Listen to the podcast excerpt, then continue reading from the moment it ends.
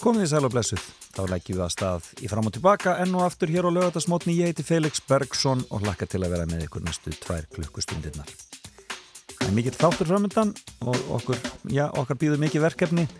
Þannig að það er ekki eftir neina að býða, við fáum hér fimmu eftir smástund og það er engin annar en e, lífskunstnerinn og listamæðurinn Clemens Hannigan sem verður gestur minn. Hann var með flötu vikunar hér á Rástöður með nýtt frábært soloefni, náttúrulega þekktastur sem e, meðlumur Hatara en hann er líka e, húsgagnarsmiður og hann er með fimmu sem þið hefið aldrei heyrt áður. Það því getið lofað.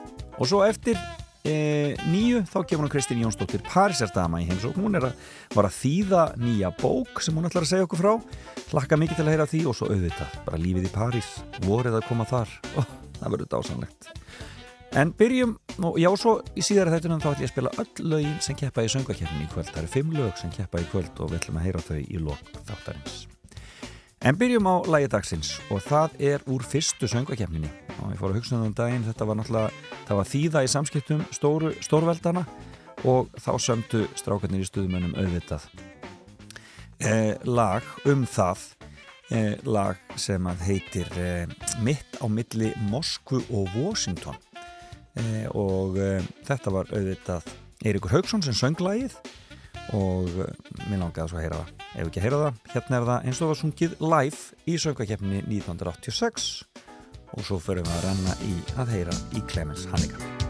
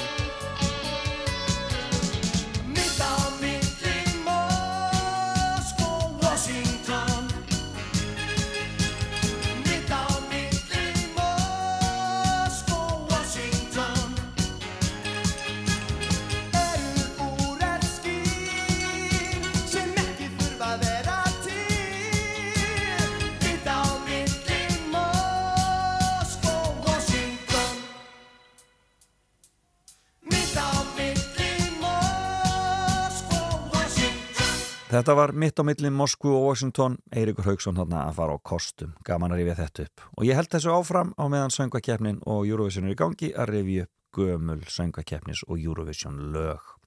En nógum það, næst er að Clemens Hannigan og við byrjum á uh, nýju plötunni hans, byrjum á lægi uh, sem hefur heilmikið spilað hér hjá okkur Rástvö, Spend Some Time On Me Baby. Og svo byrjum við Clemens að spjalla I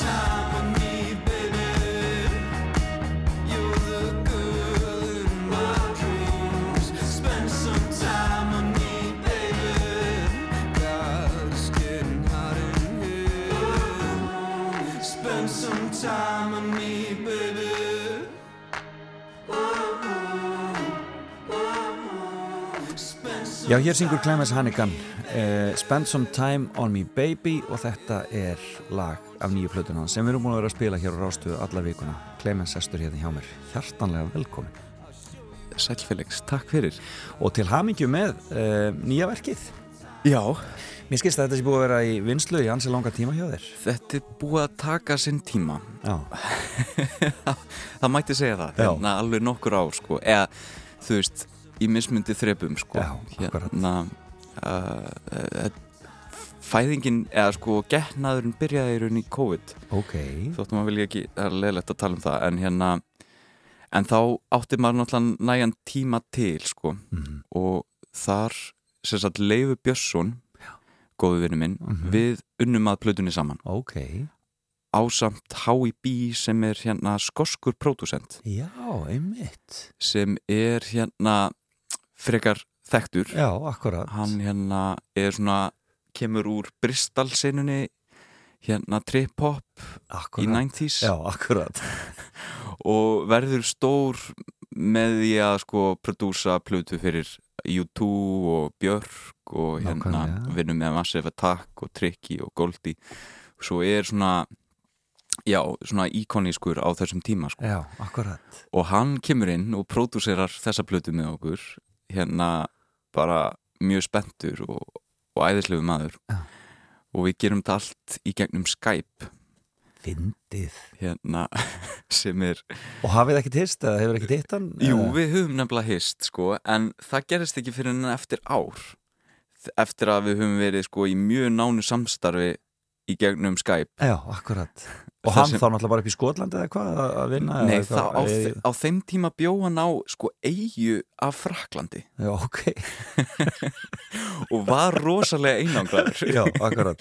Svo það var mikið ringt í mann. Það var mikill fókus það var mikill fókus. En frábært. Og kannski hann var alveg einnanna sko. Já, hérna svo kannski meiri einmannalegi hjá honum. Ég náttúrulega hafði Ronju konuna mína Já, og börnin mín og, og þú veist. Og kannski lífið þitt Og svolítið líf svona. mitt, já, en hann náttúrulega er mikið að ferðast en á þeim tíma gat hann það ekki. Svo að, hérna hann var búinn að kaupa sér hérna bjórdælu og Já, auðvitað, auðvitað. Eins og maður gerir maður er læstur, læstur inn, inni heima hjá sér. Akkurat. hérna, Þetta er, en við hittumst í fyrsta sinn sko og það var algjör tilviljun. Ok.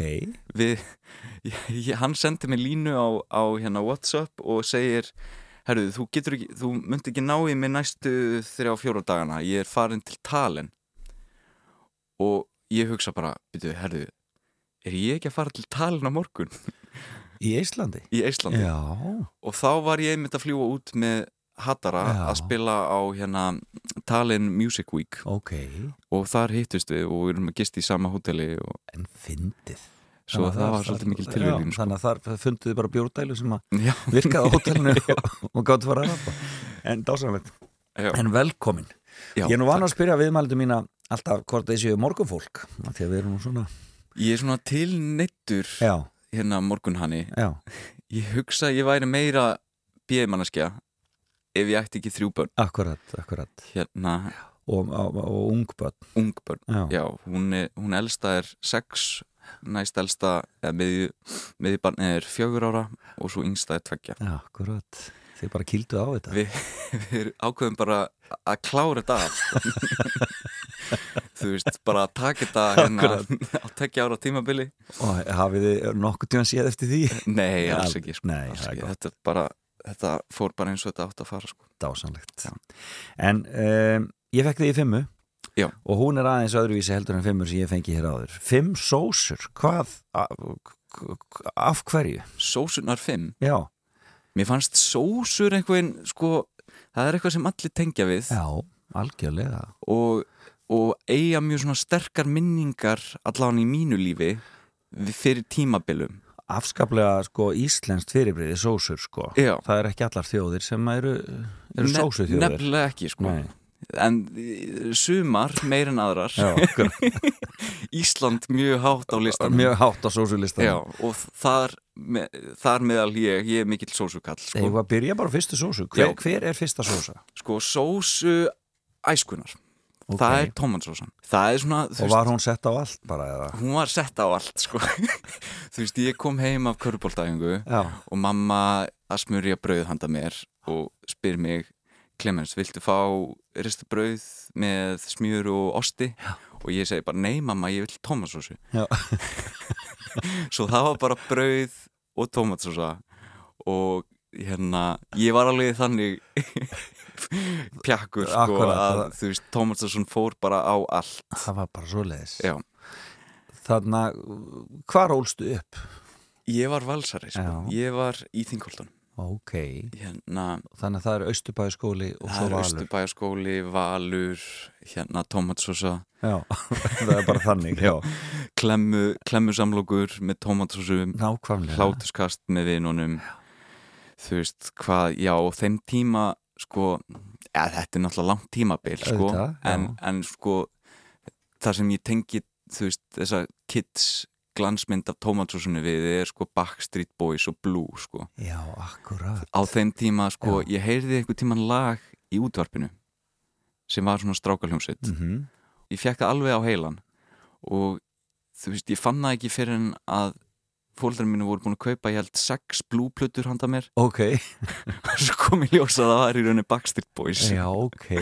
Já, þannig að þetta var þetta aðeins smá, smá miskilningur Já, þetta var smá milskilningur Já. en þar, þar leiðandi átti ég sex blúplutur Já. og, og hérna og DFD myndina um þá. Þetta er almennilegt. Svo Tomatsósa, Backstreet Boys hérna, tengist allt saman. Þetta tengist allt saman þessi, þetta tímabil sko. Hva, Hvað árger ertu, Clemens? Ég er fættur 94 Já, ok. Þannig að þú ert uh, aðeins yngri heldur en uh, heldur en Retro Steffsson bræður. Já, hérna Logi er 93 Já, ef ég er ekki hérna Jú, Já. ég held það sé rétt hjá mér. Ha, Við vorum saman nefnilega í Östubæðskóla Fóruð þið eitthvað músisara saman þá? Eða búið til músík og svolítið saman Nei, við, við höfum aldrei gert það sko. Nei, Hérna, þeir fóru miklu þeir voru miklu fyrr á ferðina en ég sko. Ég man samt ég á mjög sterka minningu af honum að spila syngja fyrir krakkan í Östubæðskóla í ok, íþróttasalunum ok. Og ég var alveg bara þessi gaur er ógeðslega cool. Já, þið langaði það ég var alveg svona starstruck sko. En hvena tekur upp hljóðfærið þá? ég, ég, sko, ég var að vísu byrjaður aðeins í Östubarskóla Já. hérna, Og hvað þá? Á, á kassagítar Ok, eða sem sagt Chris Foster sem er giftur hérna Báru Grímsdóttir. Hérna þau eru mikil hérna svona dægulaga fólk. Já, og, og hérna hann er, hann er frekar þekktur líka í Breitlandi sérstaklega í svona Ok. fólksinni þar. Ok. Og hann kennir mér ég fer að stunda hérna enga tíma hjá honum. Ok. Og hann kennir mér sko byrja í rauninu svona í, í svona fingerpicking svona Svona þjóðlega þjóðlaga eh, stíl sko, svona ragtime hérna alls konar þannig sko. En skemmtilegt. S- já. Og, og var mikið að spila þannig tónlist Ok, svo fór ég að hérna pikka upp hérna Creep ok, nema hvað, nema hvað og hérna Better Together með Jack Johnson.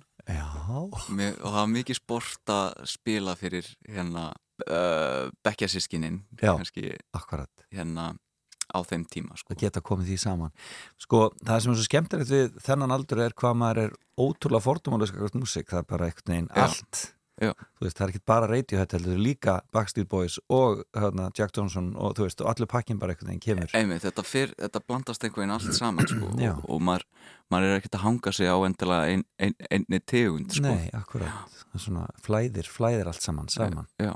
En hvernig leiðir í, í Östubæðskóla? Varstu, varstu gladur krakki?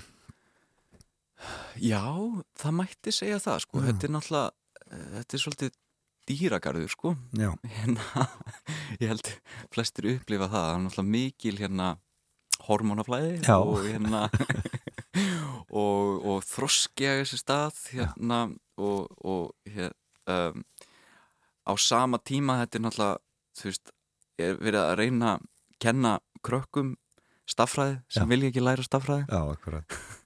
svo að hérna ég var ég var mjög uh, ég var valinn hérna dulluraskatt Östubæðaskóla og hipster hérna Östubæðaskóla Það var þannig, já. já. svo að jú, ég naut alveg vinsældar Já. innan hófa sko Já, þannig að þér, þér, þér leið ekki dýtla í skólan, þér leið bara vel í skólan. Nei, ég man, ég sko, þú veist, ég á náttúrulega ég hef unnið í ákveðni meðvirkni gegnum tíðina Já. og hérna og í ýmsum brestum sem ég hef þurft að takast á við sko, Mhm. og ég, ég tengi samt alveg sko, ég man alveg eftir að hafa sko, verið mjög var við hvað allir, allir eru að hugsa um mig á þessum tíma sko. Já, og þú veist, ég veit ekki hvort þetta sé eitthvað sameiglegt við flesta sko, en, en þetta, þessi, þetta tímabil er náttúrulega mjög viðkvæmt maður er að, maður er að koma, koma af aldri sko, og þú veist, allar þessar tilfinningar og, og að navigita einhverjum sósjál kerfið sko, já, akkurat. Að skilja hvernig hlutinni virka. já, En það er líka svolítið ríkt með að listamann að vilja láta líka við sig. já, jú Þú veist, að vera elskaður svolítið, sko. já, einmitt, ef maður, ef maður finnst gaman að koma fram nákvæmlega og fá þá aðtekli. já, þú kannski tengið við það Ég tengi alveg við það. En þetta með tómatsósuna, það hefur kannski haft eitthvað með hipsterinn að gera.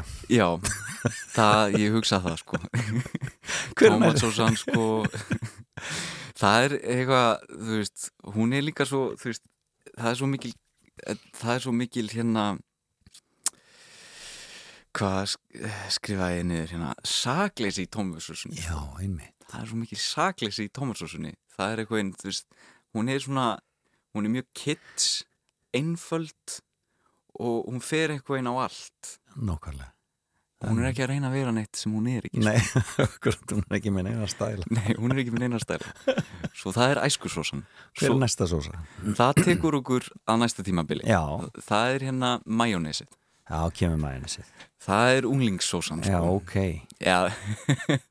Og þá flytt ég nefnilega í nýjöndabæk ok. flytt ég til Brussel Já, einmitt. Af vísu aftur, ég fættur í Brussel Já, en flytt heim fimm ára en á þessum tíma 2009 á, þá er ég á 15. ári flytt ég til Brussel með fóröldrum mínum Já. Og fadir þinn í utanríkisjónustunni? Fadir minn í utanríkisjónustunni þegar Ísland var að senda einn um, umsókn áður en hún var, áður hún var hérna dreginn tilbaka. Akkurat. Þá sko, þú veist, Belgia, Brussel, majónes það er mjög ná, náið það er bara franskar og er, þar er sett sko, hér er Tómas og sann sko, þar er sett majónes á allt sko. já. franskana sérstaklega, náttúrulega belgískar franskar, þú veist, maður finnur þær á hverju horni hana, og bara Grand Place hana, aðaltorkið í, mið, í miðbænum og frönsku básarnir sko, og hérna nætulífið, þar kynnist ég svolítið nætulífinu Já, einmitt. Þar er drikkjualdurinn fyrir, fyrir bjór 15 ára Það er bara svo leiðis, já. já Þannig að það var, það var tekið með majónesinni Það var tekið með majónesinni Bjór, majónes Kanski frönsk, svona einu og einn frönsk með Þetta er mjög kynþokkafull sósa sko Hvernig var að koma sem úlingur aftur til Brussel? Var það ekkert mál? Fórst inn í alþjóðlega skóla? Hvernig skólaferði? Ég fór í ESB sem er The International School of Brussels okay.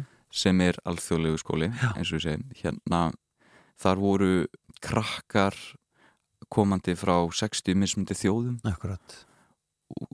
Frá öllum heiminum sko. Svo að hérna, það stækkar svolítið heimsmyndina mann sko. Áttu vini ennþá frá þeim tíma eða? Já, já, ennþá uh, þekki til mar margra sem ég var með í skóla þar sko. E, meðal annars sem er núna bara einn besti vinnu minn hérna Einar Steff sem er með mér í Hattara Akkurat. Hann, við kynntum starf já, já, já. og þetta, þú veist, majónesið. Majónesið sko, svona indie krút rock, sko. Já. þar við nefnilega byrjum að gera tónlist saman þar. Þið byrjaði að gera tónlist þar, já, einmitt. Einar var í svona indie rock hljómsveit sem hétt Evening Park Council. Ok. Sem var mjög random orð sett saman Já, alveg bara perfect sko indie, indie hljómsveit Akkurat hérna, hérna nafn á indie hljómsveit sko. Evening Park Council Akkurat. og annari, annari hljómsveit sem hétt Throw Television Og fegst þú að fara í þessar hljómsveiti líka? Sko, ég fekk aldrei að fara í Evening Park Council sko, en ég mætti á alla tónleika Auðvitað. og hérna var mikill aðdándi Já. Og ég fekk að spila tommu í Throw Television. Ok. Það var með öðrum vinnum okkar vinnum okkar Matt Gedridge og Lorenzo hérna Cook. Mm -hmm. og Alex hérna en við svo gerðum við einar hljómsveit saman þar sem breytist og við höfum í rauninni ekki hægt að vinna saman sem tónlistumenn síðan Já. sem hétt Far From Sea. Ok og það, já, akkurat í Brussel og það var einhver svona mjög djúb hugsun já. að við værim langt frá sjónum Íslendingarnir langt, langt frá sjónum, sjónum sko. já, hérna og það var svona það var svolítið svona dægulega krút tónlist sko já.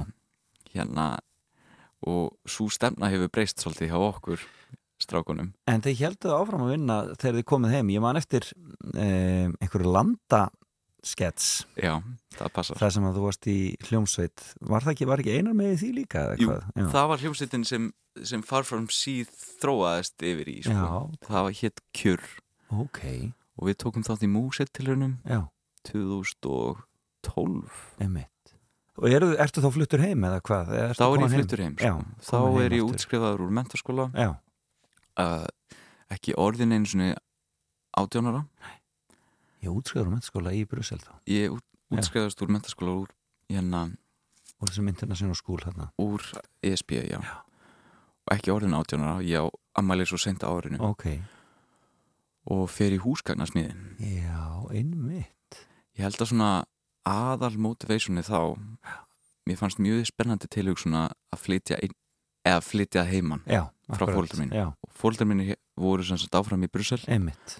og ég fekk að flytja heim einn 17 ára og mér Og með þína eigin íbúð þá? Með mína eigin hérna, 20 fermetra íbúð sko. Já, akkurat. Og mér fannst ég vera svo fullorinn en amma, ég held ég að við farið í mat til ömmu sko fjórum sinni viku eða eitthvað. Og hún þóði allan þóttin minn Já, já, nema hvað. Það var ekki meira sjálfstæð en það. Já, já. en hérna, En minnstakosti byrjaðar að, að lifa þínu eigin lífi. Já, nákvæmlega. Hérna, og kemur þriðasósan þannig já, þriðasósan maður getur sagt að þriðasósan taki við hér sko, það er HB Worcester sauce. Kon, eða sko drottningasósan. Já, það er drottningasósan. Og það Já, er svona hérna. þegar þroskin byrjar að hérna að síga inn sko. Hérna þetta er náttúrulega beintengt sko bresku bresku rætum mín sko. pappi minn er ískur og íslenskur nei, fyrirgeð, íslenskur og írskur, Ok, mamma er íslensk og þýsk ok og pappi sem sagt hérna, já, elst upp í Breitlandi og afi sem sagt var skólastjóri flakkaði svolítið mikið um sko, en Ok. hann var frá Oxford upprunulega, Ok. eða álst upp þar Já. meðal annars amma Já. en þau áttu bæði rætur að reykja til Írlands. Ok, og þaðan kemur Hannigan. Já, já það er nefnilega írst Það er írst, já, írst efnan Og það, en fóruð alltaf þá svolítið til Bretlands? Var, voru þá Já, hana föðu fóreldrinni sko síðan þ- frá því að ég var krakki og frá því að við fluttum heim til Íslands hérna 99 Já, þá fórum við alveg einu sinni ef ekki sem ári sko til þá til að byrja með Oxford. Já. þá voru amma og afi búin að flytja aftur þangað þau byggu lengi í London. Já. og svo fluttuðu upp til hérna Tinolt í Skotlandi sem er rétt hjá Já. Glasgow. ok. Hérna, Það getur nú verið verra. Nei, já, nákvæmlega. Hundar það var svakalega, já mjög hérna góðar æskuminningar þaðan. Akkurat, þar sem öll föðurættin sem sagt hittust. Ok Er við það sem stór, er það stór fjölskylda svona á, á... þau eru fjögur sískinni Já, og, Og- fólk út um allt á eða hvað? Eða aðalega í Bretlandi? Núna búa sem sagt pappi náttúrulega staðsettur núna í, á Íslandi Já, en er að fara aftur út til New York. Við, ég held að hann, hann hefur verið svona meira á flakki en, en hins sískinni Já, sín ég skil. Uh, si- hérna, sýstir hans hefur alltaf verið í London. Já. bróðir hans að vísu er upp í Skotlandi. Ok, mjög nálægt það sem amma og afi byggu einu Já. sinni hann er í hérna í Glasgow. Ok, og Robert sem er yngsti bróðurinn, hann býr í London. Já, akkurat. Þannig að er, þau eru í Bretlandi svona meira og minna. Já. Frábært. En fegstu þá Worcestersós þannig að Já, já, já, það var bara amma kom með skeiðina sko. Já. nei. Jáðra við það var náttúrulega shepherd's pie með Worcester sauce Auðvitað, og, Já, og ég man, sko ég var náttúrulega engin mikill aðdándi af þessari sósu nei, en út af þetta krefst ákveðin þroska nákvæmlega. hérna, ég er mikill aðdándi núna. En þetta hefur náttúrulega þetta, þetta svona smóki smóki hérna bragð og, en ég er með mjög sterka minningu af pappa alltaf með Worcestershire sósuna inn í skáp Já, og hann dró hann alveg út á skrýtnustu í skrýtnustu tilfellum það var bara svoleiðis Já, það var alveg svoleið sko. svo að þú veist bara þetta mer, bara logo eða sko, svona og þetta svona kjarnar svolítið mína tilfinningu á því að vera breti. Já, ég skil. Út að ég er í rauninni svona kannski 90% Íslandingur Já. út að ég hef aldrei búið í Breitlandi Einmitt. en finnst ég hafa mjög sterka tengingu við Breitland ég er það. held stert í breska hreimin Já. sem ég, ég hef alltaf talað ennsku við pappa minn. Uh, Ok, þið talaðu einsku saman við já. tölum á ennsku saman. Um, en þú veist það er svona lítil svona, svona ég er með svona náttfatafettis Ok, ég elska að vera í svona þú veist svona hefðbundnum breskum náttfutum með kraga eins og maður geti sett bindi í. Já, akkurat. Þótt að maður gerir það aldrei. Nei, nei, auðvitað ekki, nei, nei. Og hérna ég sef alltaf ég á tvö pör af þeim þannig náttfutum hérna frá John Lewis. Já, auðvitað, nema hvað. Nákvæmlega. Og ég einmitt keifti náttfutt þarna Ronju konunum minni líka sko. Og ég sagði það við hérna, ég herri, ég keifti hérna æðislega náttfutt þetta hún var eitthvað Já, svona náttkjól. Kjól mjög spennt. Nei, nei, náttföt. náttföt. Með kraga og allt sko. Eins og þegar ég að vera. Já, akkurat. Að lá við að ég var búin að kaupa nátthúfu. Tóku báðum líka. Akkurat, það er næsta mál. Já. Næsta mál að dagskrá. Þetta er dásanlegt Heyrðu, við skulum taka okkur smá pásu. Þú, nú, breskurætuna koma núna því að þú ert búin að velja lag hér með Radiohead Nákvæmlega. til að spila í miðin Af hverju, af hverju nút með Radiohead? Radiohead er já, ég held hún ég held ég geti alveg sagt að hún sé bara upp á sljómsveitin mín, Já. eða hefur verið það í gennum tíðina. Já, það er þessi melankolía sem næri einhvern að alveg draga mann úr hverstagsleikan Já, mjög sterk svona tilfinningaleg tenging í tónlist Radiohead Þeir eru svakalega, þetta er svakalega tilfinningarík Já, tjáning sko. Þetta er það sko og það er eitthvað svona, það er allan eitthvað hjá þeim sem nær mér bara og svona sekku mig inn í tónlistina. Skulum heyra njút Já. Svo höldum við Klemis Hannegan áfram að spjalla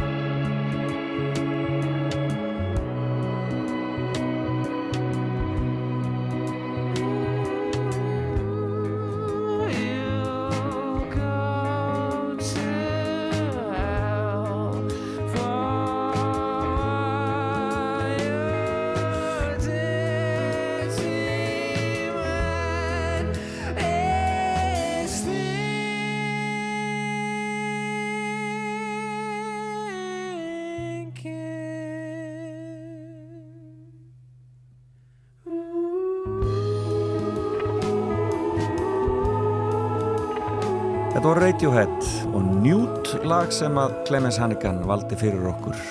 En hann sit- situr hér sem gestur minn í fimmunni þennan morgunin. E, Nó í gangi og við erum að tala um fimm sósur.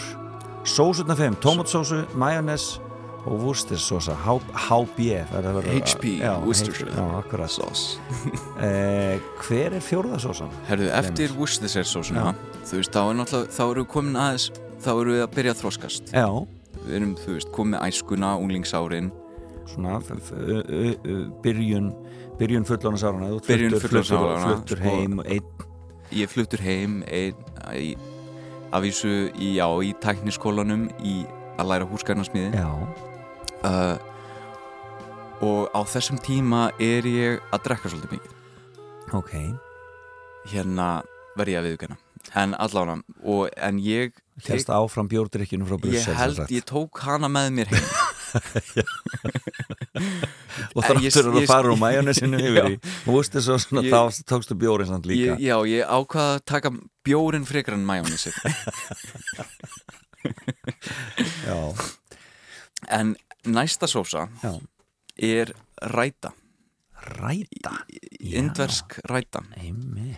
Og nefnilega eftir að ég er búin að vera tvö ár í tækniskólanum í húskanasmiði þá útskrefast Mattias frændi minn. Ok, við erum nefnilega Mattias sem var með mér í Hattara við erum sko hérna sískinabörn já, ok. Hvernig þá? Er það mæður ykkar eða? Mamma mín og pappa hans Ok. eru sískinni. Og við höfum í rauninu verið bara besti vinnir síðan við fættumst sko. og hérna stunda ímislegt saman og hatari byrjar einmitt út að við nennum ekki að spila Civilization lengur. Já, og þá Já. þurftum við að finna eitthvað annað til að gera sko. akkurat. Hérna, en hann útskrefast úr MR á þessum tíma. Ok, sem sagt einu og halvu ári eftir að ég flytt heim. Já, og við fyrir að plotta indlandsferð. Já. Hérna að fara á andlegan leiðangur til Indlands. Já. Svona eins og popparni gerðu gerðan nákvæmlega, eins og bílandi eins og bílarni að finna æðri mátt Já. og tilgang lífsins sko. með sítar og engaflugvel og allur pakkin já. Við vorum ekki með sítar en ég var með svona lítinn ferðagítar já, sko. ok. Og hérna já, og það svona það kjarnar svolítið rítuna sko. við Já. fórum í fjóra mánuði. Þið fóruð, já. Og vorum hérna byrjuðum í Maharashtra hér aðeinu ok, þar sem Mumbai er. Og förum í bara svona smábæ.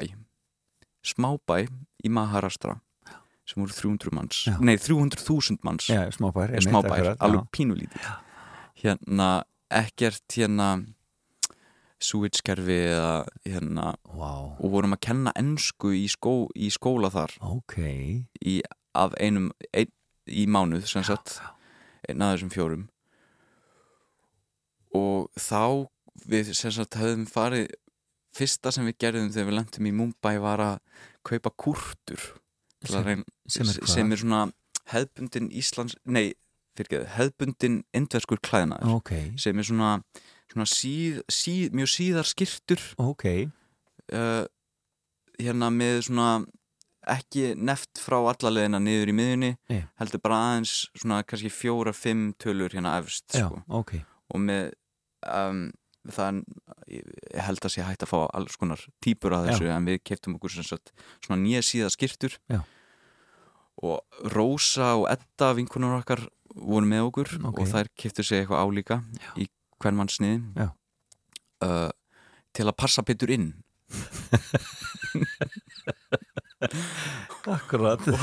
Og það er náttúrulega svolítið erfitt að passa hana inn Nákvæmlega. fjórir hérna Íslendingar. Íslendingar sko. Hérna svo við, við byrtumst alveg tvisasinnum í í lokal hérna uh, fréttablaðinu. Ok, bara fyrir að vera hvít sko. Já, mitt já, við myndir af okkur að spila trommur á einhverju bæjaháttíð já, ok. Í, í skýrstunum í skirtunum sko. og allir allir kallmenninu voru bara í hefðbundnum skirtum, bara evróskum já, nema þið. Nema við í svona í svona hérna baggi, buksum skilur svona eins og Aladdin skilur já, akkurat, í einhverjum þjóðbúning. Er frábært. Hérna en já, það var mikil upplifun sko við, fóruð, var þetta skipulöð ferð eða var þetta eitthvað sem þið bara skipulöðu sjálf? Við skipluðum hana sjálf Já. sko. við, við höfum tengingu við hann skóla ok, í gegnum aðra vinni okkar eða sem sagt strákar sem höfðu farið ánga áður Íslendingar mm sem hefðu gert álíka og við. Og við fekkum tenginguna þar í gegn og þetta var sem sagt skóli enga skóli sem rak skóla fyrir börn sem áttu ekki efni á námi. Og við gistum sem sagt í þessum heimavistaskóla þessum engaskóla Já. og svo kendum um daginn í, í, í skólanum fyrir krakkana sem áttu engan pening. Skil. Sem byggu bara í, í skílum og, Já. og hérna.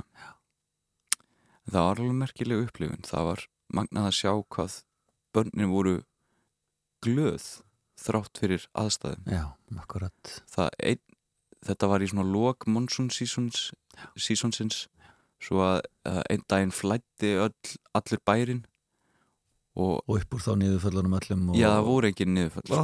Ó, svo að það var bara, þú veist, metis vatnana og frekar ógislegt öll húsin hjá og öll uh, alla fjölskylduna sem byggu í þessum skí, skílum náttúrulega Já. bara mistu skílinn sín sko. Sitt, já samt mættu börnin í skólan og voru jafnkátt og Já. daginum áður sko. Já, Lífið heldur áfram einhvern veginn Já, svo það veraldlega hefur ekkert áhrif á líðan Þannig að þetta var andleg upplýðun eftir, eftir allt saman Já, þetta var, mikil, þetta var mikil upplifun.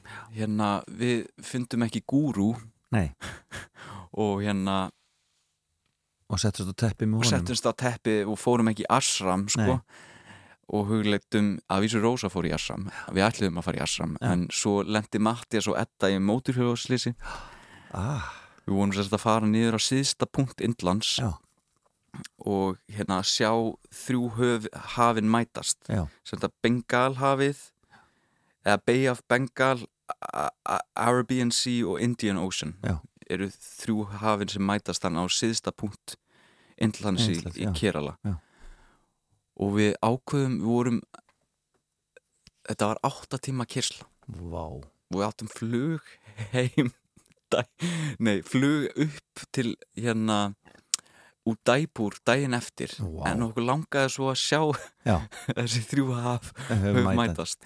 svo við legðum okkur móturhjól og okkur fannst einhvern veginn ekkert mál að keira þessa átta tíma á móturhjóli en sem var svo komiljósa var ekki mjög Nei, ekki mjög sniðut hérna vituleg hugmynd. En við sem sagt náðum að keira þangað að sjá þessi ha- hö- höf mætast svo keirðum við tilbaka á leiðin heim við vorum náttúrulega í kurtunum okkar Já, hérna og mjög hlýtt en svo byrjaði bara helli dempa.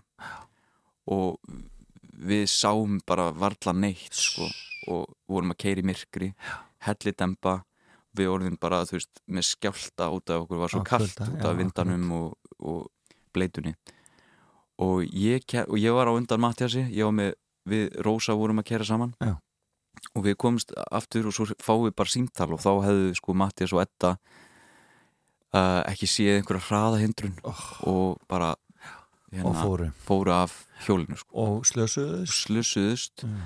að vísu ekki ofalulega en, en í þessum aðstæðum náttúrulega við ekki vön bakteríuflórunni þar. Já, svo að sýking þannig úti getur verið svona mun hættulegra fyrir okkur sem eru ekki með hérna, ekki vön þessari flóru.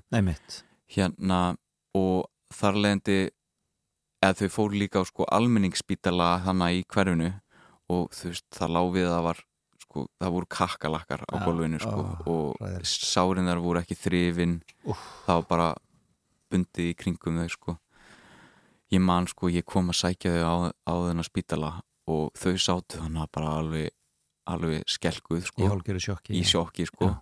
með sko 30 manns umkringt sig að spurja þau spurningu. Einmitt. rosa fórverðin hérna og þau alveg bara Já. hvað er í gangi? Já, í hálgjöru sjokki. Og hérna ég að já. En það verður gott að drífa sig heim þá. Já, við drí, dró, uh, þetta var ekki endin af ferðinni þetta var sko. ekki endinn af Nei, ferðinni, Þá nei. við, við flýtum okkur í flugið Já, til Údæpur ok. sem er borgin sem Octopussy, James Bond myndinni skotin í. Já, já, já. Og þar kynnist ég klæðskera Já. og Mattias og Mattias og Edda eru rúmleikjandi í einhverja viku og þurfa svo að fara í aðgerð á spítala þar. En það gengur allt vel. En við erum þannig strönduð í útæbúr í svona mánuð og Já. ég kynnist klæðskera og hann ræði mig svona hálgert í vinnu fyrir sig Ok, að lokka inn túrista ok. inn í klæðskerabúðina sína. Já, og hann fannst ég of dópistalegur í kurtunni minni og Aladdin buksunum mínum. Svo hann gaf mér svona skær bleikar buksur svona þröngar buksur já, í nýjongræna skirtu og, og lætu mig hérna raka mig mótti þetta hefur verið eitthvað. Og þú veist, það er ímislegt sem ásist stað þannig að hann, þú veist í Divali hátíðinni þá fórnar hann geit og tekur mig með og hérna hérna að, já, þetta var mjög skrautleg ferð. Já, mikið mjög- lífsreynsla. Já, mikil lífsreynsla. Og þú veist, við fórum til Varanasi sem er elsta, ein elsta borgar heimsins. Hérna, ég held um, sem liggur við gangafljóti sko, Já, og þar sem þau brenna, hindúinir brenna sagt líkin sín. Já. Eftir stjættaskiptingu sko. Hérna mjög merkileg mjög merkileg borg. Og hérna Banglassi er mjög vinsælt þar. E, það er áhugavert að týnast í hérna þræðandi götum Varanasi. Búin að taka Banglassi og hérna sjá apana hoppa hérna á milli og, Það er semst eitthvað, eitthvað svona eitthvað, eitthvað ofskinjarar dæmi, þetta Bangladeshi. Já, þetta er eitthvað svona, ég veit ekki ná, ég man ekki nákvæmlega hvað þetta er þetta er, slíkt, þetta er rosalega stert þetta er, ég held þetta sé svona hass hérna ólja Já, sem er akkurat. sett í svona einmitt. sem hjálpar við allega vakningu sko. Já, akkurat. Þetta hefur mikið ævintýri. Þetta var mikið æfintýri En þeir komast heim við að komumst lokum. heim að lókum og hattar að verður til. Og hatari verður til stutt eftir það hérna já. Þetta, við komum heim ég held 2014 og hatari stofnað 2015 Svona gerist þetta. Og það, það, það tekur okkur að næstu sósu. Já, sem er síðasta sósa sem er síðasta sósan. Hver er hún? hún er, það er sinnebið Það er sinnebið, endar þar, já. Já, við endum þar. Já, já, það er svona alltaf Það sagan er ekki búin Nei. sko. Dijon Já. sérstaklega Dijon sko. Það er náttúrulega fullorðin sósan sko. akkurat, það er fullur það krefst sko fullan þroska sinnebið sérstaklega Dijon sósan. Og hérna ég er og það er náttúrulega Ronja. Það er Ronja sko, ég er náttúrulega orðin ég er giftu maður, Já. komið þrjú börn þryggja bara barnafæðir og þá er bara sinneb sko, þá er ekkert betra en bara góð sam samloka. Ronja byrjuði að baka súrdegsbröð Ok, hérna sem ég er mikill aðlandi af en það er, getur hún allt hérna og það er ekkert betra en, en súrdegsbröðið með Dijon sinnebi góður í eh, þykri skingu sko. Já, keftum hérna svínaskrokk af, af hérna bonda. Og, og hérna verkuðum skinku úr henni sko. Svo að þetta er svona er og, alvöru, já. og svo með góðum osti líka og svo Díson sinnepi Já. Toppur en maður vill ekki of mikið Díson sinnep sko. Nei, nákvæmlega það er eins og hatari skilur, maður vill ekki of mikið Nei, sinnep. akkurat ég held að við sem alveg búin að hafa nóg Já, já, það er alveg komið nóg sinnep þar Já, sko. akkurat Gott í, gott í, í hérna það getur verið súrt sinnepið en líka sætt sko. Nákvæmlega eins og hérna fullorins árin sko. Tíminn gjörsan að hlaupin frá okkur Við getum haldið endalist áfram. Þetta er, það er svo margar sögur sem að þú átt í þér ennþá. Það er, þetta eru sósuna sko. Það eru Þetta sósurnar, það er sögurnar liggi í sósunum.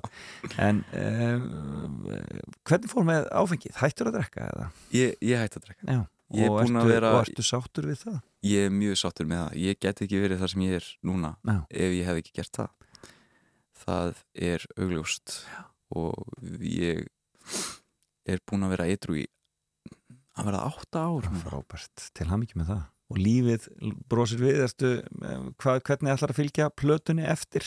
Þú ert búin að halda tónleikana þína, er meira í gangi? Já, við erum búin að halda út, útgáfu tónleika og við erum með þess að hérna, við erum að selja vínil af plötunni og, og við leifur erum að vinna hana saman, eða unnum Já, hana saman og erum að vinna saman í þessu og erum með management teimi í Hamburg í Þýskalandi. Ok, og við erum svona já, erum að fara að bóka showcase hátíðir sem er svona tónlistarhátíðir sem, sem presentera nýja tónlist. Briljant og erum að leita að svona booking agent það sem það er kallað sem bókar tónleika fyrir okkur. Þannig að þetta er allt í fullum gangi. þetta er allt í fullum gáki og hatar er að vísu heldur ekki hægt. Nei, akkurat, þið hafið Davíð Þór leikari Einmitt. og tónlistamæður komið inn fyrir matta. kom í stað Mattiasar og við erum að fara að spila einhverjar hérna úti hátíðir líka í sumar Briljant. svo er ég að reyka innréttinga verstaði Einmitt, svo er það það. hérna, Það átti ég alveg eftir að spyrja þeim. já, einmitt ég er svona, það er náttúrulega mín dagvinna Já. þar smíða ég alls konar sérsmíði innréttingar fyrir eldhús eða hvort sem það er móttökuborð eða veggpanelar hérna fyrir fyrirtæki Já. Og, hvernig, hvernig, ef maður vil skoða það sem þú ert að gera þar, hvar, hvar getur maður að fundið það? Er það helst inn á Facebook eða? Herðu, inn á Instagraminu mínu Já. ef maður kemst fram hjá öllu Já, tónlistatóttunum þá, þá, þá hittur á hitt, já. en svo er ég svo, svo er hannigan.is er vefsíða Já. sem er komin í loftið en ég á eftir að fínslýpa þar verða sem sagt húsgögnin mín húsgögna hönnunir mínar þau húsgögn sem ég smíðað og svo líka listaverk skúltúrar og ég var til dæmis með ég var með í hérna samsýningu í ásmundasamni sem opnar í dag Já, opnar í dag. Akkurat, frábært. Já. Clemens, haldt áfram að skapa bara, og við fáum að njóta. Já, alltaf gaman að tala við sérlega. Takk fyrir að hafa mig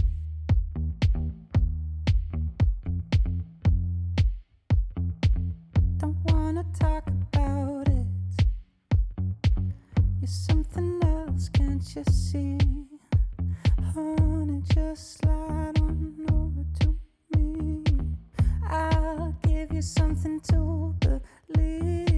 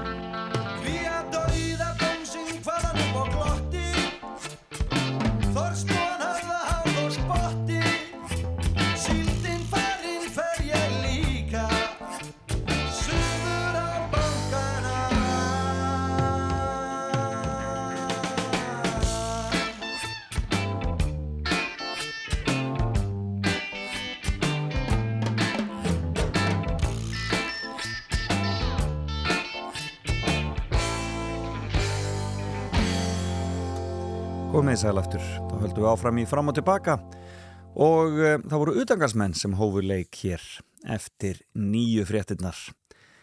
Kyrlátt kvöld við fjörðin og uh, alltaf gaman að heyra þetta. Þetta er lag eftir tolla held ég öruglega sem að utangarsmenn tók og gerði svona snildarlega.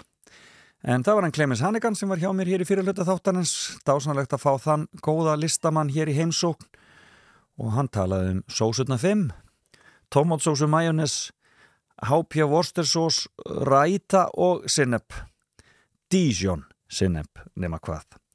Og uh, þetta voru sósunar í gegnum lífans og uh, ef þið viljið heyra spjallið þá það komið, verður það komið inn á uh, miðlana rúf.is og á hlaðarpsveitur strax að þessum þætti loknum En við hefum vonað góðan gesti í þessum uh, hálftíma líka, hún Kristín Jónsdóttir Parísardama, hún er að koma sér fyrir og ætlar að kíkja til mín hérna með nýja bók í farteskinu.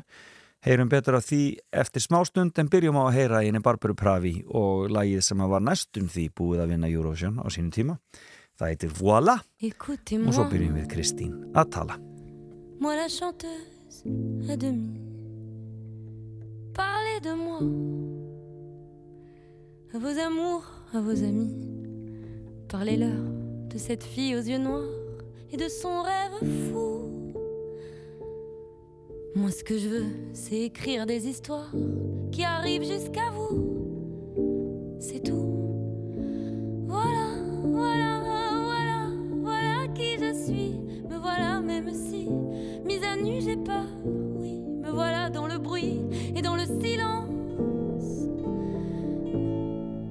Regardez-moi,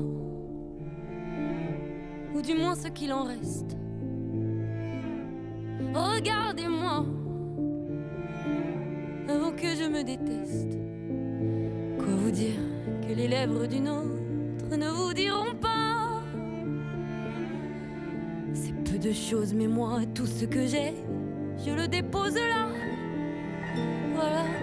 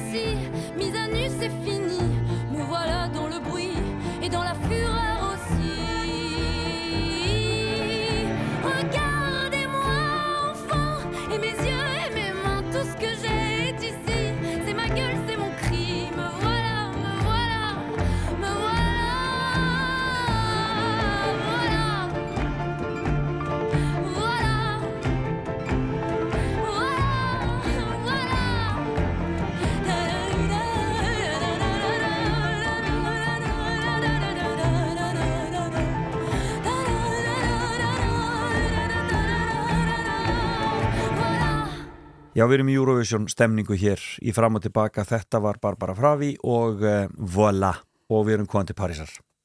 Kristín Jónsdóttir, Parísar dama, verður velkomin. Kæra þakkir. Gaman að sjá þig alltaf. Sömu leiðis. Svona fyrst er, er hvernig er að koma í snjóin á Íslandi úr, úr uh, frá París. Já, það er dálítið erfitt. Já, er það? Ég verð bara að játa það. Ég er bara komin úr algjöru æfingu með þessa skabla og Já, hlussast á, á rassinn svona þegar ég er að reyna að klífa þá.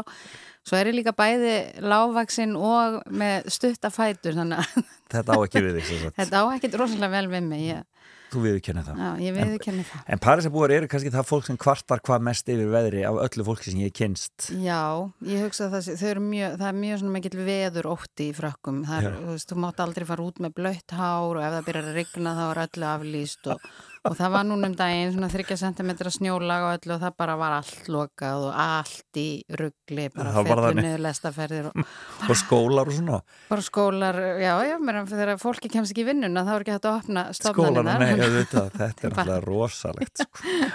Þryggja Það voru alveg þrýr sentimetra, það snjóði alveg bara í tvo tíma eða eitthvað, bara ja, fór Þetta allt í rugg. En það er sem mjög óvinnlegt að snjó í París og Já, það er mjög ofennilegt og snjórin helst aldrei, sko, það, það hefur gerst, ég hef lifað þannig vetur að það helst snjór í svona görðum og brekkum og, Já, og svona, en, en já, það er mjög sjálfgeft. það er mjög sjálfgeft akkurat. En ástæðan fyrir að þú ert á landinu er að þú ert að kynna nýja bók sem að þýða Já, eftir Valérie Perron já, perrin, Perron Vatn á blómin heitur hún á íslensku já. um, Hvaða bók er þetta? Þetta er bók sem fjallar um Violett sem að fæðist og er gefin við fæðingu Mm og, og er svo alveg upp bara á svona milli fósturheimila og unglingaheimila. Já, Þannig að hún er svona ástarþurfi og, og það er maður sem að kynnist henni þegar hún er svona 16-17 ára og átta sig á þessu og getur þess að bara svona egna sér hana. Já, Veit að hún fer ekkit frá honum hvernig sem hann fer með hana. já, Og við fáum að heyra, eða, já, lesa eða hvernig sem við ekki neytum þessara bókar já, alla þessa sögu svona smátt og smátt. Hún er þess að þegar, þegar sagan byrjar þá er hún bara hann í kirkjugarði, kirkjugarðsvarður ein og maðurinn hennar horfin og hérna eitthvað svona sem að hefur gerst. Og hún er bara lifir í svona bara svona kúlu, bara búin að búa sér til svona lífi kringum kirkjugarðin með bara á samneiti við starfsmennina þar og prestinn og, já. og svo hérna látnu og hérna hugsaður um leiðin. Haf, mikillega alúð og er með lítinn græmmetiskar sem er svona hennar tenging Og er þá að rifja upp sögu sína og líf. Já, og þá sagt, kemur maður sem næri eitthvað svona pínulítið heillana og hann bara rústar hann bara sprengir kúluna rýfur hrúðrið af lokaða sárinu hann og allt fyrir gang og hún neyðist til að horfast í augu við fortíðina og, og, neyð, og í raun og veru, já, kemst að því sem að hafiði gerst hann sem var hræðilegast og sem ég vil helst ekki segja Nei, hvað nei, var. alls ekki, Því að alls það ekki. er spennandi Það er spennandi. alveg, þetta er alveg svona svona krútt saga um svona lífsferil konu og ástina og, og bara svona vandamál í samskiptum og áfallasögur og svona, en svo er líka svona, kemur svona spennusa, ok. Svona hver gerði? Og, og, og, þessi bók hefur gert það gott í Fraklandi Hún var bara risa metsölubók, seldist bara í miljónum eintaka. Og sem sagt á Cannes síðasta vor tilkynnti Pierre Jeunet sem að gerði Delicatessen og fullt af æðislega myndum. Einmitt. hann tilkynnti þess að hann ætla að filma sjómaserju sem er búið Já. að kaupa réttina þannig að það nægir ekki bíómynd, það, það er vera, það verður bara að vera já, sjónserja. ég, já, mér skildist það allavega eins og er, það gerist, síðan gerist allt svo hægt á þessum í þessum lendum sjónvars og kvikmynda þannig að það er nú ekki búið að gefa neitt upp hver leikur eða neitt, þannig Nei. að maður býður bara spenntur En þetta er farað að staða sér sagt. þetta er, já, Uh, og hvernig, hvernig reyndist þér að þýðana? Var þetta, var þetta bara rann þetta svolítið? mm, já, svona, sko ég var nú alveg smá tími í gang, það var Já. svo langt síðan ég hafði þýtt síðast Já, ég skil. og það var svona þýðinga vöðvin var mjög slagur og, og erfitt eitthvað neginn til að byrja með ég var með mjög góða vinkonu sem lasi mig fyrst og var mjög ströng, bara slagg, slagg og hérna hjálpaði mig bara eitthvað svona aftur inn í íslenskunni. Ég er enda mjög duglega að lesa á íslensku, Ok, passa mig á því einmitt. lesa alltaf þessa góðu, vönduðu íslensku höfunda og bara Og á íslensku þá. á íslensku Já. Þannig að fara að hérna- gefa út marga á frönsku samt sem aður. Já, já, við erum sko bara, við erum bara aðalið í Fraklandi. Er það? er bara eina sem vantar eru fleiri þýðendur. Það er bara þannig, já. Ég er búin að vera að reyna að búa til nokkra.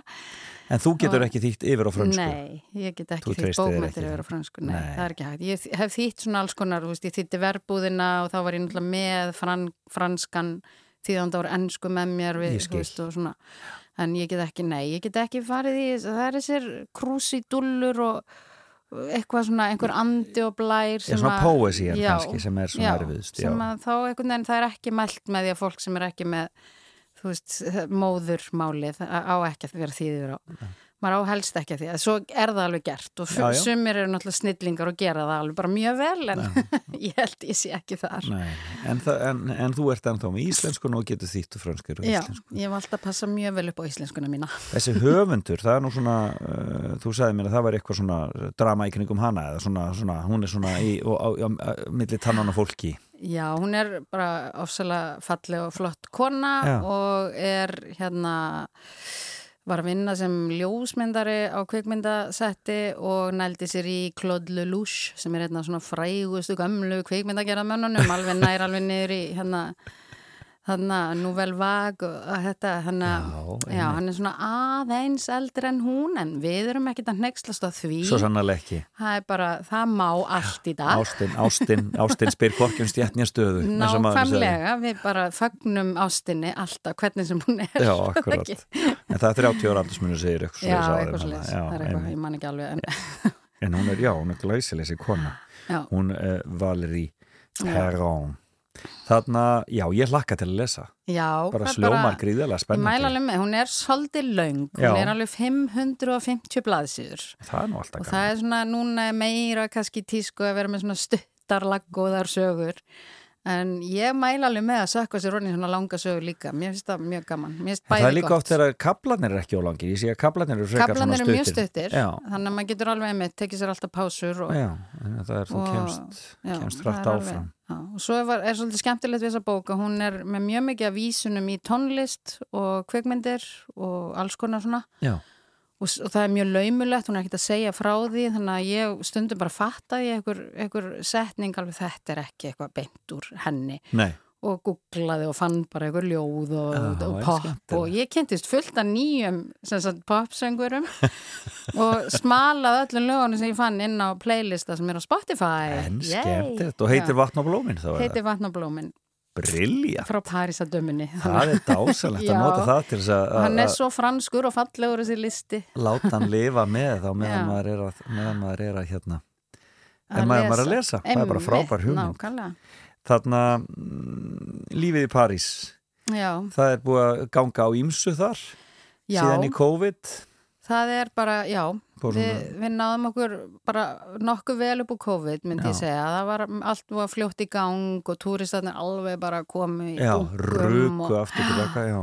en svo er bara einhvern veginn svona bæðið samfélagslega þú veist, ástandið er erfitt maður sá þannig vor þegar það var hana lauruglumæður sem skýtur ungan dreng og Einmitt. þá bara fór að, það bara eins og púður bara, sprakk, það fór allt á kvolvanna í þrjárnætur var bara brent og, og barist og bara, já, mjög ógnalegt Já, hræðilegt bara. Já. gerist bara eins og hendi væri veifað þannig að og þá kannski kemur í svona- ljós svona einhver reyði sem að menn hefðu kannski ekki gert sér alveg grein fyrir Já. eða kraumað undir nákvæmlega og það er einhvern veginn þú veist, það var, þarna fólk sem að sem var að segja bara, þú veist, bönni mín hafa aldrei verið neitt í svona og allt í hennu voru bara, bara öll ungmenni komin út á götu og Já. farin að skemma líka þessi velupöldu og Akkurat, já, já, og jafnvel nákvæmlega. fullari fólk sem fór inn í búðirnar og svona náði sér í vörur. Þetta var mjög hugnalegt Já, ég trúi því. Svolítið eins og þetta gerist þannig í LA hérna á sínum tíma. Já, emmitt, þetta gerist mjög hratt og mjög, bara var mjög erfitt Já. það fór, all, fór allt í bara voru allir í fári, sko bara fólk sem á bíla, allir bara getur eitthvað geimt bílu minn, eitthvað þar í Veist, þetta var svona bara stress fyrir næsta kvöld Nákvæmlega, hvort það að- er kveikt í byrgja sér inni Mm. en, en finnst þér það að hafa róast aftur? Já, svo náttúrulega bara næst ró Já. og, og svona oftast er bara, þú veist, indislega, París sjálf er mjög sjaldan í einhverju svona, þú Já. veist, það er svo rosalega lögjasla þar, að passa Einmitt. svo rosalega vel upp að mjög erfitt fyrir, fyrir krakka til þess að koma bara að brenna heila röða bílum og svona, en, En, en í útkverfunum getur en þetta í gerst. útkverjunum er það mjög, já, Já, nöðaldara og hérna En svo náttúrulega kom bændunir hana og heimsótt okkur aðeins núna já. voru með umsátur um París. Akkurat, komur og styrtu það en sér og þar og svona svona einhverjum, einhverju græmmiti og dótið svona hér og hvað og yðrum og dýrum og eitthvað Já, og hérna en svo einmitt náði fórsæðisráður hann eitthvað að róa þau og hérna þessu lindi við urðum ekki, það, það var alveg að fara að tala um eitthvað, það gæti orðið vöru skortur í París og eitthvað, þeir loku ætluðu sko, það, þeir tilkynntu það, svona umsátur eins og voru meðaldum, já, gekk út á þannig að bara loka virkin inni og svelta fólki til dauða og ég held að við varum að fara í eitthvað svoleiðis Já. en það varð ekki það var að fara að borða hvert annað eitthvað Já, ég var einmitt, fór að lesa hann um andesfjallarslýsi og svona til að brifju hvernig gerði þetta. Já, akkurat En það hefur leist úr því Já, Já, já, það er það, það er alveg svona spenna en svo bara, þú veist, já, náðir að halda einhvers konar ró og og lífið heldur áfram lífið heldur alltaf áfram, þráttur er þetta allt. Það er það Allt þetta vesen. Ertu ennþá að fá fólk að taka það í túra hér og þar og fara að versali og svona? Já, ég bara tek við öllum íslendingum sem hafa samband um Ó, mig og bara, dásamlegt. mér finnst það ofsalega skemmtilegt Ó, og ég gaman. tím ekki að hætti þessu Ég trúi því, en þetta er mikil vinna Þetta er alveg svona slatt að vinna oft, það koma náttúrulega róli tímabil og, Já. og hérna en bara það er alltaf svo gaman. Ég verð alltaf svo mikið vinkona fólksins og Já. við föðumst og knúsumst þegar Ó, kveðjumst og dásamlegt. bara, ó já, ég elska Íslendinga sko, þó ég vilji búi í Fraklandi þá elska ég Íslendinga. Það er gott að vita. Og það er alltaf gott að fá þig heim Kristín. Já, og hitta þig í París. En eh, ég hlakka mikið til að lesa vatn og blómin. Já, og bara mm, vonandi verður meira frá þér. Ertu, ertu, ertu að koma með einhver fleiri verkefni sem þú Já svona fyrir þér? það, nú var ég að því yfir að þær væri til í fleiri franskar svona, svona eitthvað skemmtilega bækur. Þannig að nú er bara leitin. Já, að finna bókina, finna bókina sem, þar, sem Íslendingar þurfa á að halda. Nákvæmlega, Kæra þakki fyrir komuna og gangið er allt í hægin takk sem Í lokin er hún hérna er hún Karla Brúni á þessum playlista? Já, mér minnir það. Ég man það samt ekki alveg. Nei, en hún er hún er miskusti næstu dagskrá Hún er frábær, Já, L'Amoureuse hún er indislega Il semble que quelqu'un ait convoqué l'espoir. Les rues sont des jardins, je danse sur les trottoirs. Il semble que mes bras soient devenus des ailes, qu'à chaque instant qui vole, je puisse toucher le ciel, qu'à chaque instant qui passe, je puisse manger le ciel. Clochers sont penchés, les arbres dérésonnent. Ils croulent sous les fleurs au plus roux de l'automne. La nage ne font plus, la pluie chante doucement. Et même les réverbères ont un impatient. Et même les cailloux se donnent l'air important. Car je suis l'amoureuse. Oui, je suis l'amoureuse. Et je tiens dans mes mains la seule de toutes les choses. Je suis l'amoureuse. Je suis ton amoureuse. Et je chante pour toi la seule de toutes les choses qui vaille d'être là, qui vaille d'être là. Le temps s'est arrêté, les heures s'envolagent. Les minutes frissonnent sonne et l'ennui fait naufrage. Croque sous la dent. Et le bruit du chagrin s'éloigne lentement. Et le bruit du passé se tait tout simplement. Oh, les murs changent de pierre, le ciel change de nuage. La vie change de manière et danse les mirages. On a vu m'attendir, le destin se montrer. Il avait mine de rien l'air de tout emporter. Il avait ton allure, ta façon de parler.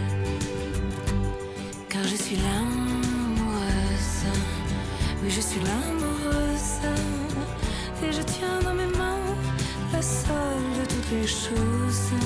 Je suis l'amoureuse. Je suis ton amoureuse. Et je chante pour toi la seule de toutes les choses qui vaille d'être là. Qui vaille d'être là.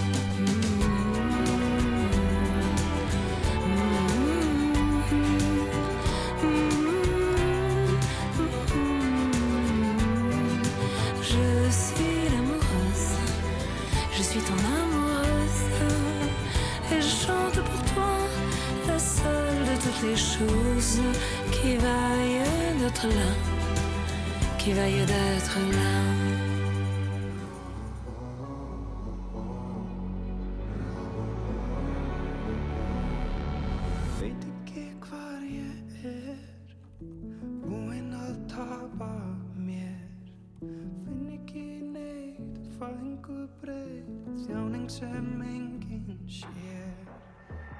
Býð aftur um stík Fæ aldrei það sem ég vil. Ég trú ekki á neitt Nema það eitt Svartnættið gleypi mig. En ég vil ekki gefast upp verða einn af skuggunum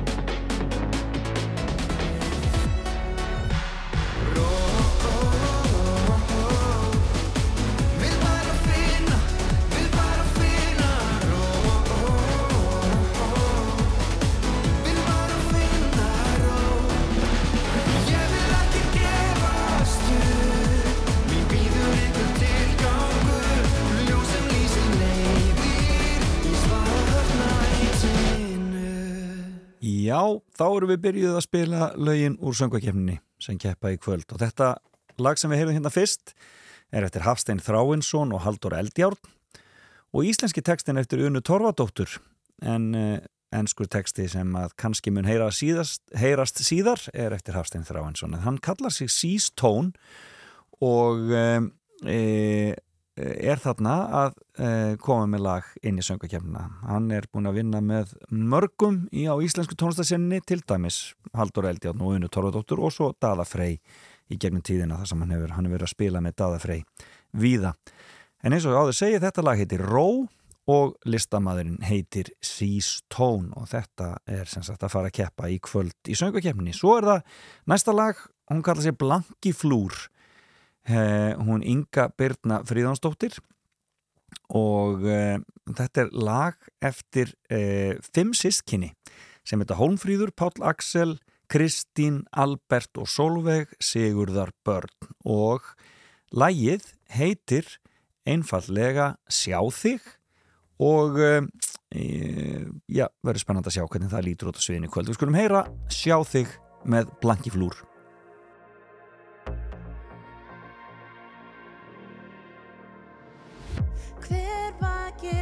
sólinn sest? Hver elskar þig frá morgni alveg inn í myrkrið mest? Hver er það sem skilur best?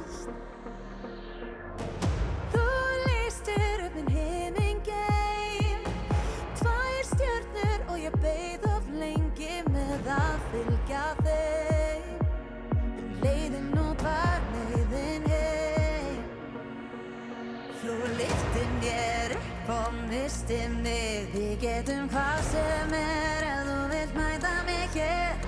Þú liftir mér og mistir mig. Við getum hvað sem er ef að þú leifir mér að sjá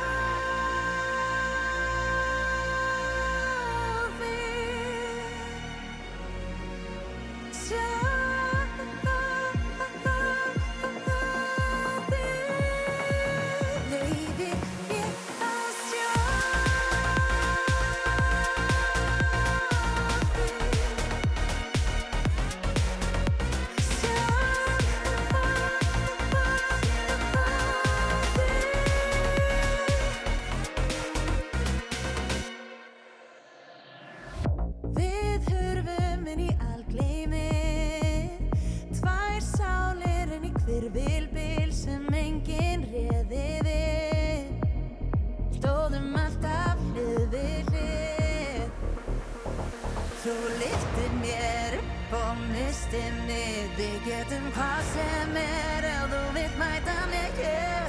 Þú liftir mér upp og mistir mig. Við getum hvað sem er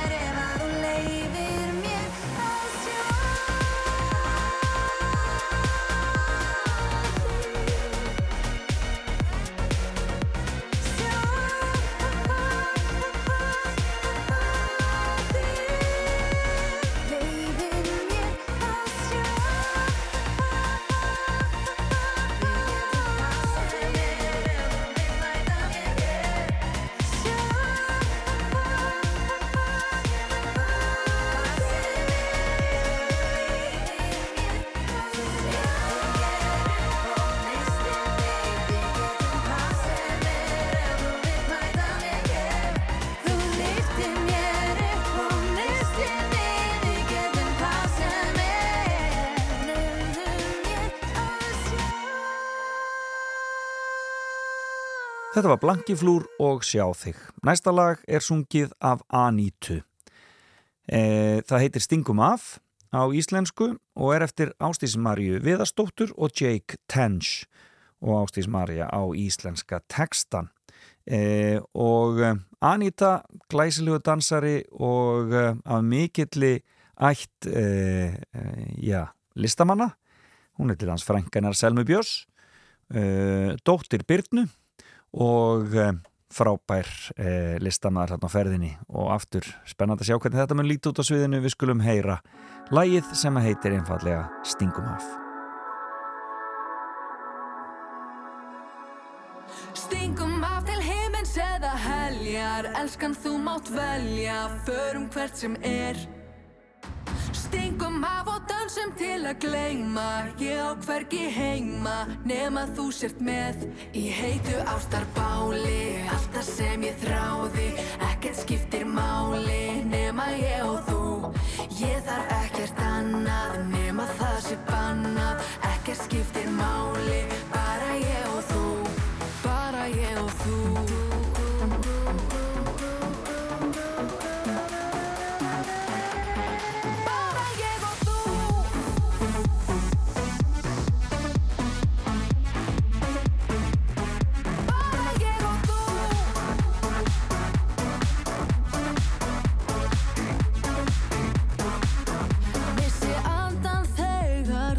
snertir mig.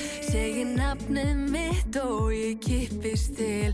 Já, þú færir mig upp á annar stig. Förum lengra og lengra og lengra. Oh. Stingum af til himins eða heljar. Elskan þú mátt velja. Förum hvert sem er. Stingum af og dansum til að gleyma. Ég á hvergi heima Nema þú sért með. Í heitu ástarbáli skiptir máli Nema ég og þú. Ég þarf ekkert annað Nema það sem bannað. Ekkert skiptir máli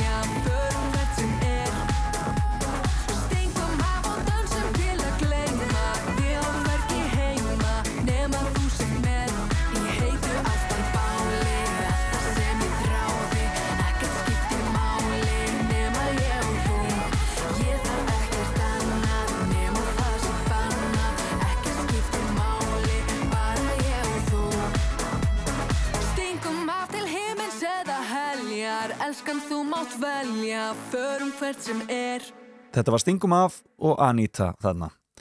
Eh, En næsta lag er sungið af listakona sem kallar sig Sunny. Hún heitir Sunna Kristinsdóttir og semur lagið á samt Nikolás Nikolásinni og á sjálf íslenska textan og það er ekkert engin ennskur texti til við þetta lag. E, já, þetta er eins og í keppninni mjög dansvænt og skemmtilegt pop og það verður gaman að sjá hvernig Sunnu eða Sunny tekst að koma þessu á svið í söngakeppnishöllinni í kvöld. Við skulum heyra lagið hennar sem heitir Fyðrildi.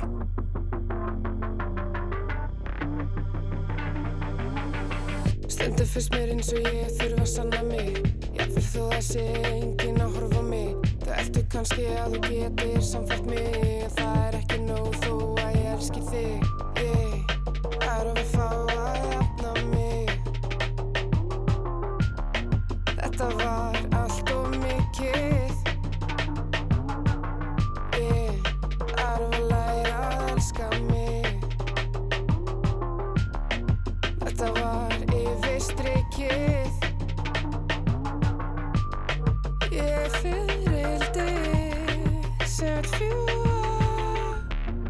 Þetta þunglindi kann að ljúa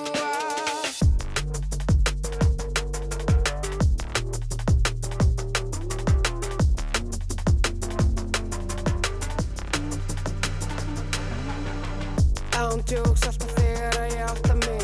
Af því að ég hef aldrei áður þurft að hugsa um mig. Ég var alltaf bara að reyna að passa mig. Að enginn annar fengi aftur að meiða mig. Ég þarf að fá að jafna mig. Þetta var allt og mikið. Ég þarf að læra að elska mig. Þetta var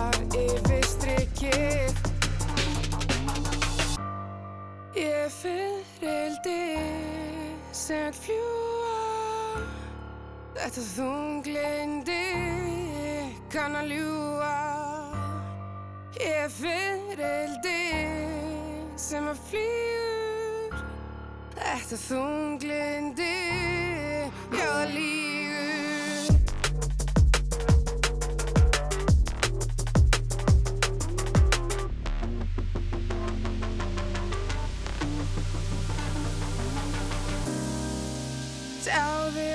ég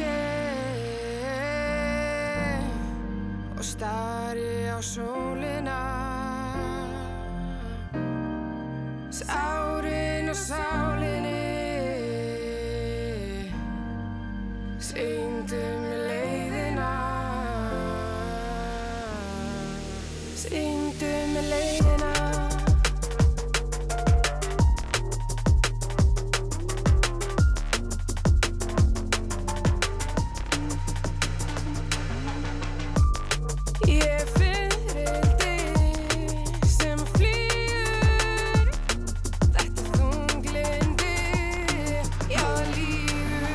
Þetta var fyririldi með henni Sunny. Og að lokum er það bræðurnir Knáu sem kalla sig Vibe. Og uh, þeir heita Mattias Davíð og Hálfdán Helgi og eru Mattias sinir og þeir eru bæði lag og texta. Og uh, hún Drífa Natja hjálpar þeim síðan að gera enska textan en uh, þetta lag hefur fengið mikla spilun og verið kannski það lag sem hefur hvað mest verið spilað af lögurum í söngakefninni og ég held að séu margir spenntir að sjá hvernig þetta áttur að koma út á sviðin í kvöld. Kannski sérstaklega krakkarnir.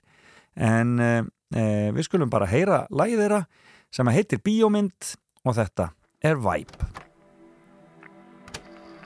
Að horfa á kvikmynd getur verið góð skemmtun en hafa skal varan á því kvikmyndir enda ekki alltaf vel. Mitt er bíómynd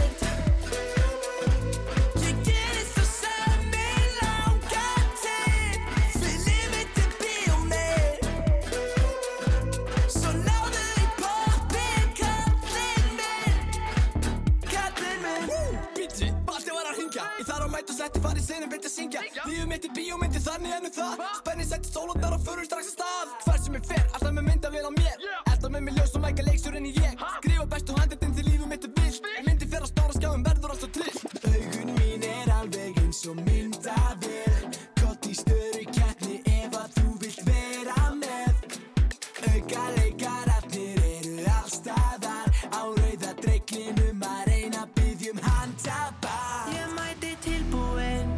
ég vil fá verðlaunin. Því að lífið mitt er lang besta kvikmyndin. Ég kasta á þá sem er að horfa á. Auðum blöndal helga braga farið í frá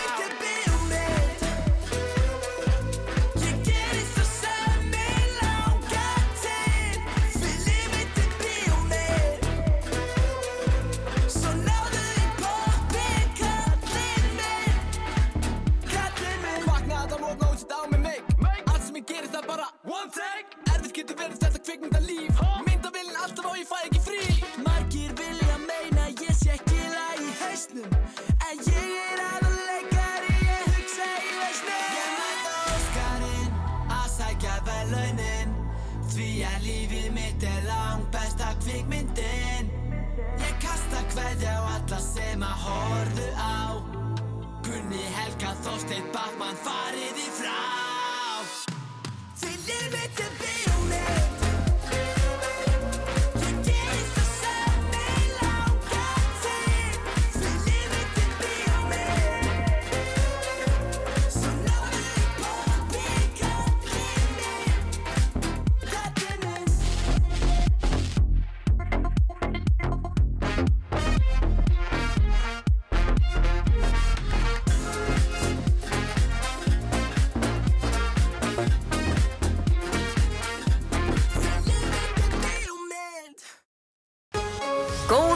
daginn Ísland. Felix Bergsson fer fram og tilbaka á Rástvö. Já, þetta var Vibe og þá erum við búin að heyra öll lögin sem að eh, keppa í söngvakeppninni eh, í kvöld og þetta verður auðvitað í sjónvarpinu úr söngvakeppnis höllinni nýju sem var ædolhöllin síðast og það verður gaman að sjá hvernig þetta kemur allt saman út og hvernig þetta tekist hefur að sviðsetja þessi flottu pop lög ég hef mjög skusti mjög spenntur. En uh, þetta er búið hjá mér í dag og uh, ég vil þakka ykkur fyrir að hlusta og þakka frábærum gestum mínum fyrir að kíkja til minn Kristín Jónsdóttir Parísadama kom hér með nýja bók í farteskinu, hún heitir Vatn og blómin og ég hlakka mikið til að lesa eh, sem fyrst. Og læti ykkur vita hvað mér finnst eh, en alltaf gaman að fá Kristínu í heimsókn. En henni finnst snjórind aldrei erfiður svona eru þeir þessi Parísabúar og svo kom hann til mínan Clemens Hannigan með dásamlega fimmu. Það voru sósurnar fimm. Og uh, uh, ég hveti ykkur til að fylgjast með honum og því sem hann er að gera bæði í myndlistinni og í smíðunum og svo auðvitað í tónlistinni. En uh, þið getið heyrt viðtölin bæði og þáttinn allan inn á rúf.is og á hlaðvarpsveitum eftir að þessum þætti líkur en ég er farin í frí hveð ykkur hér með eh, uh, Múkisson og við heyrumst aftur eftir viku. Bless, bless.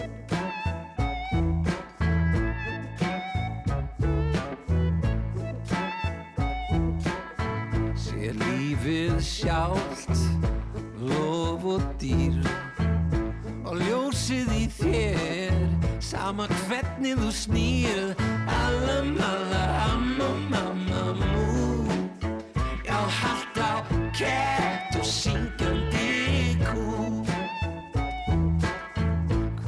stund er svo tætt Æ, fersk og ný. Svo langt sem það nær Bingo lotteri Hopp, hopp, hopp og app, app, app, app Er í orðin alveg kúk, kúk, kúk Ég tuta mína Gott að vera hér. Tygg sjensin bæ